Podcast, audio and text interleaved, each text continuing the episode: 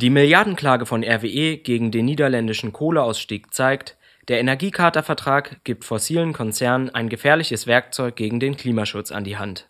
Warum wir in dem Vertrag drinstecken und wie wir da wieder rauskommen, darüber spreche ich heute mit Fabian Flüß.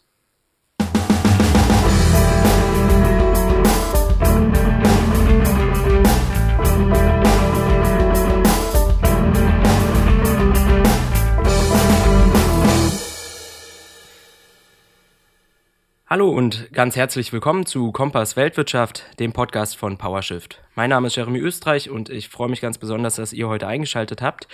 Bei Kompass Weltwirtschaft sprechen wir regelmäßig über zentrale Problemfelder unserer ungerechten Weltwirtschaft und fassen euch die wichtigsten Informationen in möglichst kurzen Beiträgen zusammen.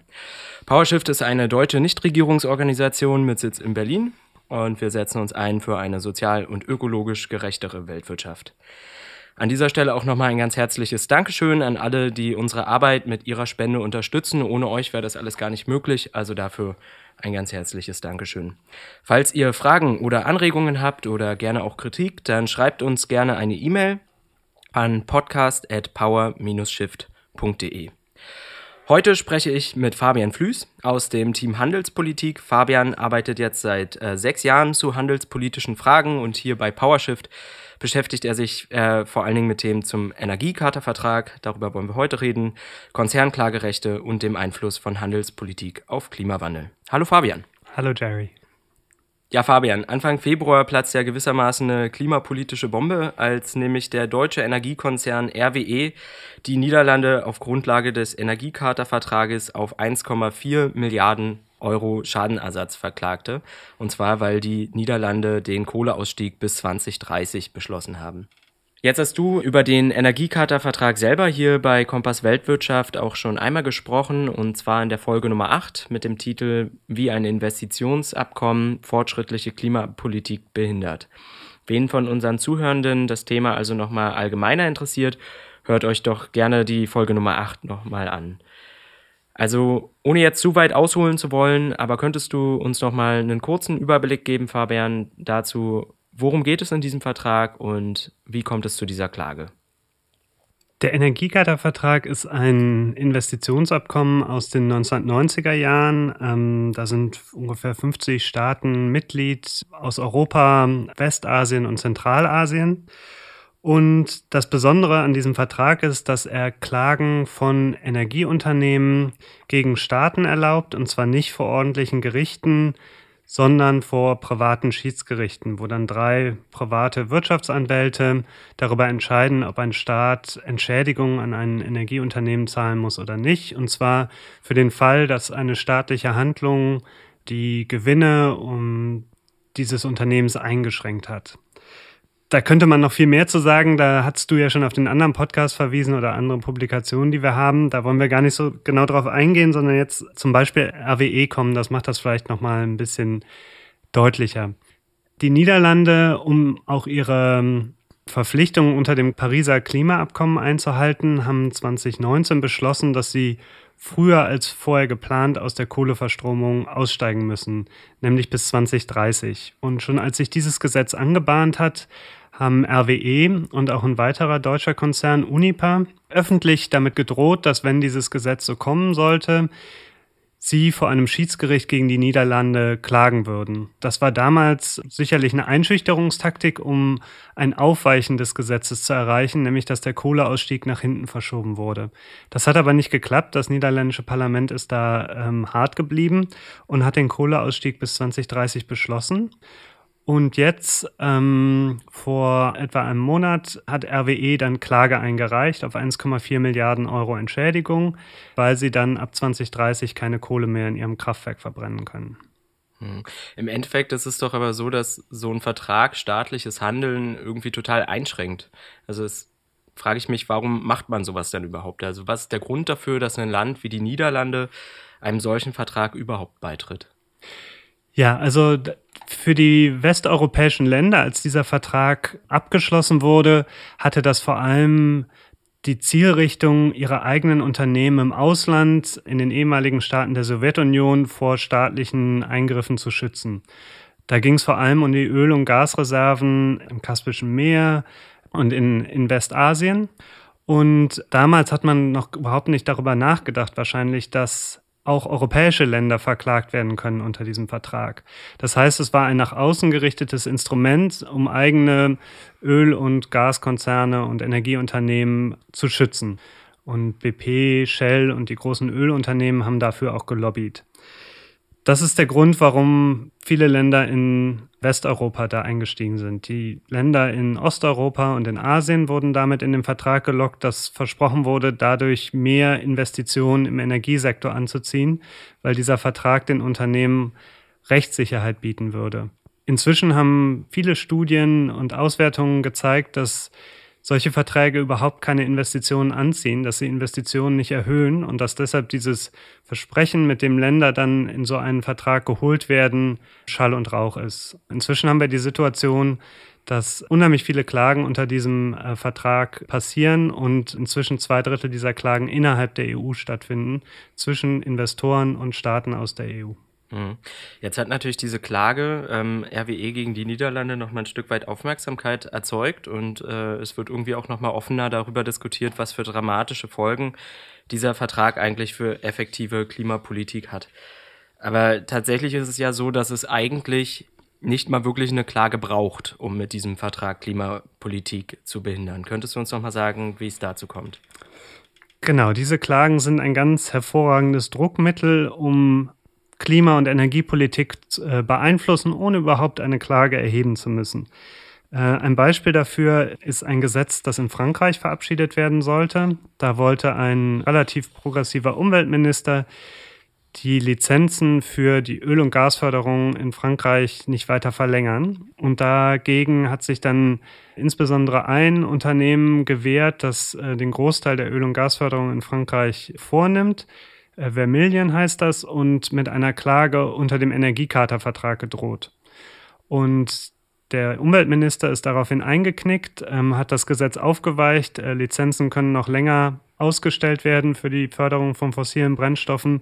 Und er ist auch kurz darauf zurückgetreten, hat gesagt, die Macht der Konzerne und der Druck der äh, Lobby ist zu groß und er könne sein Amt nicht mehr weiter ausüben. Das heißt, da wurde ein Gesetz aufgeweicht und die Klimakrise verschärft. Ein weiteres Beispiel ist der deutsche Kohleausstieg. Da wurde vor wenigen Wochen äh, offiziell bestätigt von der Bundesregierung, dass die horrenden Entschädigungszahlungen an die Braunkohlebetreiber äh, insgesamt über 4 Milliarden Euro, von denen viele spekuliert haben, wieso die so hoch ausgefallen sind, auch damit zu tun haben, dass die LEAG und RWE, die beiden Braunkohlebetreiber in Deutschland, sich darauf verständigt haben, mit der Bundesregierung auf Klagen unter dem Energiecharta-Vertrag zu verzichten. Und dieser Klageverzicht, den haben die sich bezahlen lassen, auszahlen lassen, und zwar ziemlich hoch. Das heißt, in Deutschland wurde der Kohleausstieg damit zwar nicht verhindert, aber es ist ganz viel Geld in die Taschen der Unternehmen geflossen, ohne dass sie jemals äh, so eine Klage einreichen mussten. Das heißt, wenn wir auf die Klagen selber gucken, sehen wir immer nur die Spitze des Eisbergs. Genau, und falls euch, also unsere Zuhörenden, das Thema nochmal genauer interessiert, wie der Energiecharta-Vertrag gegen Klimaschutz eingesetzt werden kann, PowerShift hat dazu einen Factsheet veröffentlicht mit dem Titel Stolperfalle für den Klimaschutz, das ihr natürlich auch unter diesem Podcast in den Show Notes finden könnt. Kommen wir dazu, was wir tun können. Am 23. Februar ist eine europaweite Kampagne an den Start gegangen, in dem über 30 Organisationen aus insgesamt neun europäischen Ländern den Ausstieg aus dem Energiecharta-Vertrag fordern. Fabian, du bist jetzt seit Anfang an für PowerShift in der Organisation dieser Kampagne dabei gewesen. Kannst du uns noch mal genauer sagen, was die Zielsetzung dieser Kampagne ist? Ja, also wie jetzt vielleicht schon aus einigen dieser Fälle deutlich geworden ist, rückt der Energiecharta-Vertrag immer stärker in den Fokus der Öffentlichkeit. Es gibt sehr viel Aufmerksamkeit und immer stärker zunehmende Kritik. Ähm, Im Europaparlament sehen wir viele Abgeordnete, die sagen, das kann nicht so weitergehen mit dem Energiecharta-Vertrag, der gefährdet unsere Klimaziele und den europäischen Green Deal. Wir haben viel Kritik von KlimawissenschaftlerInnen, von Juraprofessorinnen und inzwischen auch von einigen Regierungen, insbesondere der von Frankreich und von Spanien, die klargemacht haben, dass sie überlegen, aus diesem Vertrag auszusteigen, weil er ihre Klimapolitik zu stark einschränkt. Das heißt, wir haben ja echt eine Möglichkeit, diesen Vertrag gibt es seit 25 Jahren, eine vielleicht einmalige Möglichkeit, Druck aufzubauen und dafür zu sorgen, dass Länder aus dem Energiecharta-Vertrag aussteigen. Deshalb haben wir diese Kampagne gestartet mit einer Petition. Äh, die hat schon über eine Million Unterschriften gesammelt. Und wir wollen damit weiter Druck aufbauen, um weitere Regierungen dahin zu, zu bewegen, dass sie hoffentlich dann gemeinsam aus dem Energiecharta-Vertrag aussteigen. Und Insbesondere gilt das für uns hier in Deutschland, denn Italien ist bereits aus dem Vertrag ausgestiegen, Frankreich und Spanien sind sehr kritisch. Das heißt, Deutschland ist das große EU-Mitgliedsland, das weiterhin fest zu diesem Vertrag steht. Und äh, damit ist es auch eine Aufgabe für uns als deutsche Zivilgesellschaft dafür zu sorgen, dass genügend Druck auf die Bundesregierung ausgeübt wird, diese Position zu überdenken. Hm. Stand heute, dass wir diese Aufnahme machen, also heute ist der 11. März, es sind jetzt also etwa ein bisschen mehr als zwei Wochen seit dem Kampagnenstart vergangen. Wo steht die Kampagne denn jetzt und wie ist es möglich, die Kampagne zu unterstützen? Also Stand heute haben wir über eine Million Unterschriften gesammelt, was wirklich ähm, fantastisch ist. Wir hätten äh, nicht damit gerechnet, dass wir in so kurzer Zeit so viele Unterschriften zusammenbekommen würden. Und den Schwung wollen wir jetzt mitnehmen und diese Unterschriften auch als Pfund benutzen, um weiter Druck auszuüben. Aber wir wissen selber, nur eine Petition zu unterschreiben reicht nicht. Wir müssen darüber hinausgehen. Und eine Sache, die wir als PowerShift auch gerade versuchen anzubieten, ist, Wissen rund um den Energiekata-Vertrag noch weiter zu streuen. Wenn es unter den ZuhörerInnen Leute gibt, die ein Webinar, eine Bildungsveranstaltung dazu ausrichten wollen, können Sie immer gerne an uns herantreten, dass wir auch in der Breite gut aufgestellt sind, gegen diesen Vertrag zu argumentieren. Die Petition kann von Gruppen, Organisationen auf ihre eigene Website eingebunden werden. Das heißt, so bekommt das Thema noch mehr Aufmerksamkeit. Wir sammeln noch weitere Unterschriften. Das ist ganz einfach möglich und wir können da kontaktiert werden, wenn Interesse besteht. Und was auch sehr wichtig ist, ist an Entscheidungsträgerinnen heranzutreten. Wir sehen, dass im Europaparlament ein recht großes Bewusstsein dafür herrscht, wie gefährlich dieser Vertrag ist aber das im Bundestag leider viel, viel weniger der Fall ist. Das heißt, an die eigenen Abgeordneten aus den eigenen Wahlbezirken heranzutreten, die Sorgen, die wir um diesen Vertrag haben, klarzumachen und zu fordern, dass die sich für einen Ausstieg einsetzen, das wäre unheimlich hilfreich.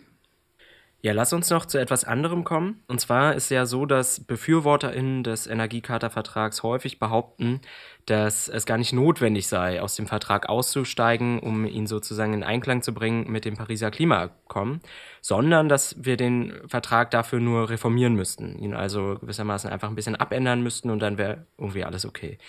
Tatsächlich ist so, dass ähm, 2018 ein Reformprozess mit allen Mitgliedstaaten des Vertrages eingeleitet wurde und dazu hat jetzt Anfang März die letzte Verhandlungsrunde stattgefunden. Kannst du uns erklären, wo steht dieser Reformprozess und wie schätzt du selbst die Erfolgschancen ein? Wir gehen fest davon aus, dass dieser Reformprozess scheitern wird. Und dafür gibt es vor allem zwei Gründe. Zum einen müssen alle über 50 Mitgliedstaaten des Energiecharta-Vertrags den Änderungen zustimmen. Und wir haben bereits von einigen Mitgliedsländern gehört, dass sie überhaupt nichts an dem Vertrag ändern wollen und jegliche Reformen ablehnen. Das heißt, dass wir am Ende wirklich einstimmige Zustimmung zu ähm, weitreichenden Änderungen bekommen, ist extrem unwahrscheinlich, kann eigentlich ausgeschlossen werden. Das Zweite ist, dass die Vorschläge, die auf dem Tisch liegen, überhaupt nicht weit genug gehen. Die Europäische Union hat die weitreichendsten Vorschläge bisher gemacht. Aber selbst die würden bedeuten, dass fossile Brennstoffe unter dem Energiecharta-Vertrag bis weit in die 2030er Jahre geschützt bleiben. Das heißt, alle klimapolitischen Weichen, die jetzt gerade gestellt werden müssen, könnten dann problemlos weiter angegriffen werden. Und diese gemeinen, gefährlichen Schiedsgerichte, die darüber entscheiden, ob eine klimapolitische Maßnahme äh, okay ist oder Staaten Milliarden zahlen müssen, die sind überhaupt nicht Gesprächsgegenstand dieser Verhandlungen. Das heißt, aus unserer Sicht kann eigentlich ausgeschlossen werden, dass dieser Vertrag ausreichend entschärft wird, damit es gerechtfertigt wäre, in ihm zu verbleiben. Ja, ein anderes Argument, das gegen den Ausstieg häufig genannt wird, ist die sogenannte Zombie-Klausel, dass der Energiecharta-Vertrag also gewissermaßen The Walking Dead unter den internationalen Verträgen ist. Nämlich ist es so, dass in Artikel 47 des Vertrages festgehalten wurde, dass die Bestimmungen des Vertrages nach dem Ausstieg noch 20 Jahre lang weiter gültig bleiben. Können wir also überhaupt noch rechtzeitig aus dem Energiecharta-Vertrag aussteigen, um die Klimaziele zu erreichen? Ja, können wir. Und zunächst ist vielleicht gut festzuhalten, dass diese Zombie-Klausel, die den Vertrag noch 20 Jahre nach dem Ausstieg weiter gelten lässt, zeigt, wie undemokratisch diese Verträge sind. Wenn sich die Sachlage ändert, ähm, wenn sich die Klimakrise verschärft wie jetzt oder wenn Regierungen und Parlamente wechseln und Gesellschaften entscheiden, sie wollen aus so einem Vertrag aussteigen, werden sie dabei massiv behindert und das ist wirklich äh, undemokratisch. Ähm, aber es gibt auch viele Fehlinterpretation dieses Artikels. Er gilt nämlich nicht mehr für Investitionen, die nach dem Ausstieg gemacht werden. Und das bedeutet, dass im Moment, wo wir sehr große Investitionen gerade im Gasbereich sehen, äh, diese nicht mehr durch den Energiecharta-Vertrag geschützt werden. Viele neue Investitionen in fossile Infrastruktur, die wir leider immer noch haben in Europa, würden dann nicht mehr drunter fallen. Erstens. Und zweitens gibt es Expertinnen, Juristinnen, die Konzepte entwickelt haben, wie diese Zombie-Klausel zwischen den Staaten, die gemeinsam aussteigen, deaktiviert werden könnte. Wenn viele europäische Länder gemeinsam aus dem Vertrag aussteigen, dann könnten Investorinnen aus diesen Ländern die anderen Länder, die aussteigen, nicht mehr verklagen. Das würde die Chancen von solchen Klagen gegen Klimapolitik massiv verringern. Diese Zombie-Klausel ist ein Vorwand häufig, um nicht auszusteigen, stellt aber tatsächlich eine viel kleinere Hürde dar, als es zunächst scheint. Okay, dann lass uns vielleicht einfach mal ein Anwendungsbeispiel ausprobieren. Also du hast äh, Frankreich hast du genannt und Spanien, die kritisch sind. Ähm, nehmen wir mal an, die würden jetzt aussteigen und Deutschland kriegen wir auch dazu, dass Deutschland aussteigt. Würde das bedeuten, dass dann französische InvestorInnen äh, Deutschland nicht mehr verklagen können und andersrum und spanische und so weiter? Genau, das könnte man so vereinbaren. Und äh, wenn man sich das anguckt, die allermeisten Energieinvestitionen innerhalb Europas kommen aus anderen europäischen Ländern und nicht zum Beispiel aus Unternehmen aus der Mongolei oder Kasachstan, die ja auch im Energiecharta-Vertrag sind. Wenn man diese Klagemöglichkeiten ausschließen würde, würde man den Vertrag entscheidend entschärfen. Fabian, wir kommen zum Schluss und ich habe noch eine persönliche Frage für dich. Und zwar, das sind natürlich auch alles relativ komplexe Probleme und es ist irgendwie auch nicht immer gleich ersichtlich, wie viel Einfluss so ein internationaler Vertrag eigentlich zum Beispiel auf Klimapolitik hat. Wie war das denn damals für dich, als du zum ersten Mal vom Energiecharta-Vertrag gehört hast?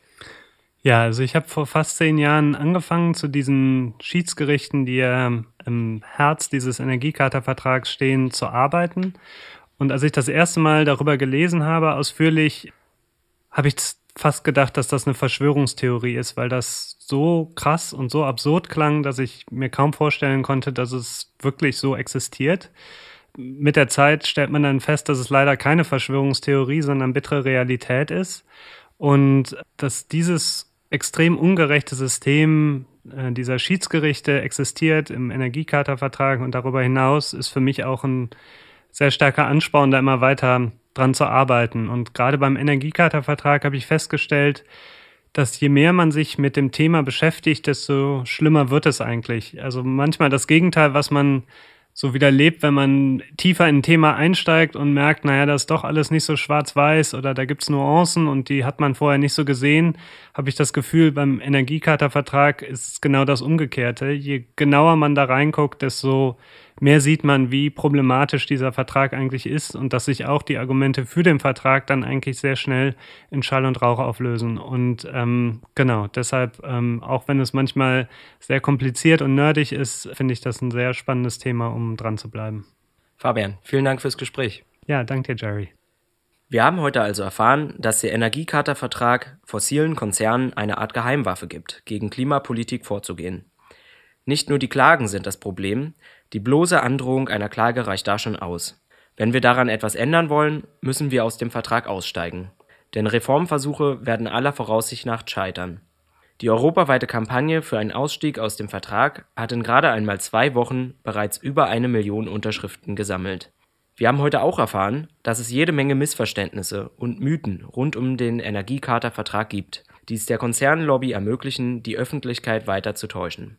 Wenn ihr zu diesen Mythen mehr erfahren wollt und vor allen Dingen auch zu den Gegenargumenten, dann kann ich euch den PowerShift Leitfaden Mythen rund um den Energiekatervertrag entkräften sehr empfehlen.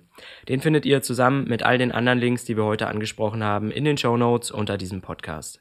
Weitere spannende Recherchen und Online-Veranstaltungen zu den Themen Rohstoff, Handels- und Klimapolitik findet ihr auf unserer Website power-shift.de. Wenn ihr Fragen oder Anregungen habt oder Kritik für folgende Sendungen, dann schreibt uns wie gesagt gerne eine E-Mail an podcast at power-shift.de und ansonsten vielen Dank fürs Zuhören und bis zum nächsten Mal.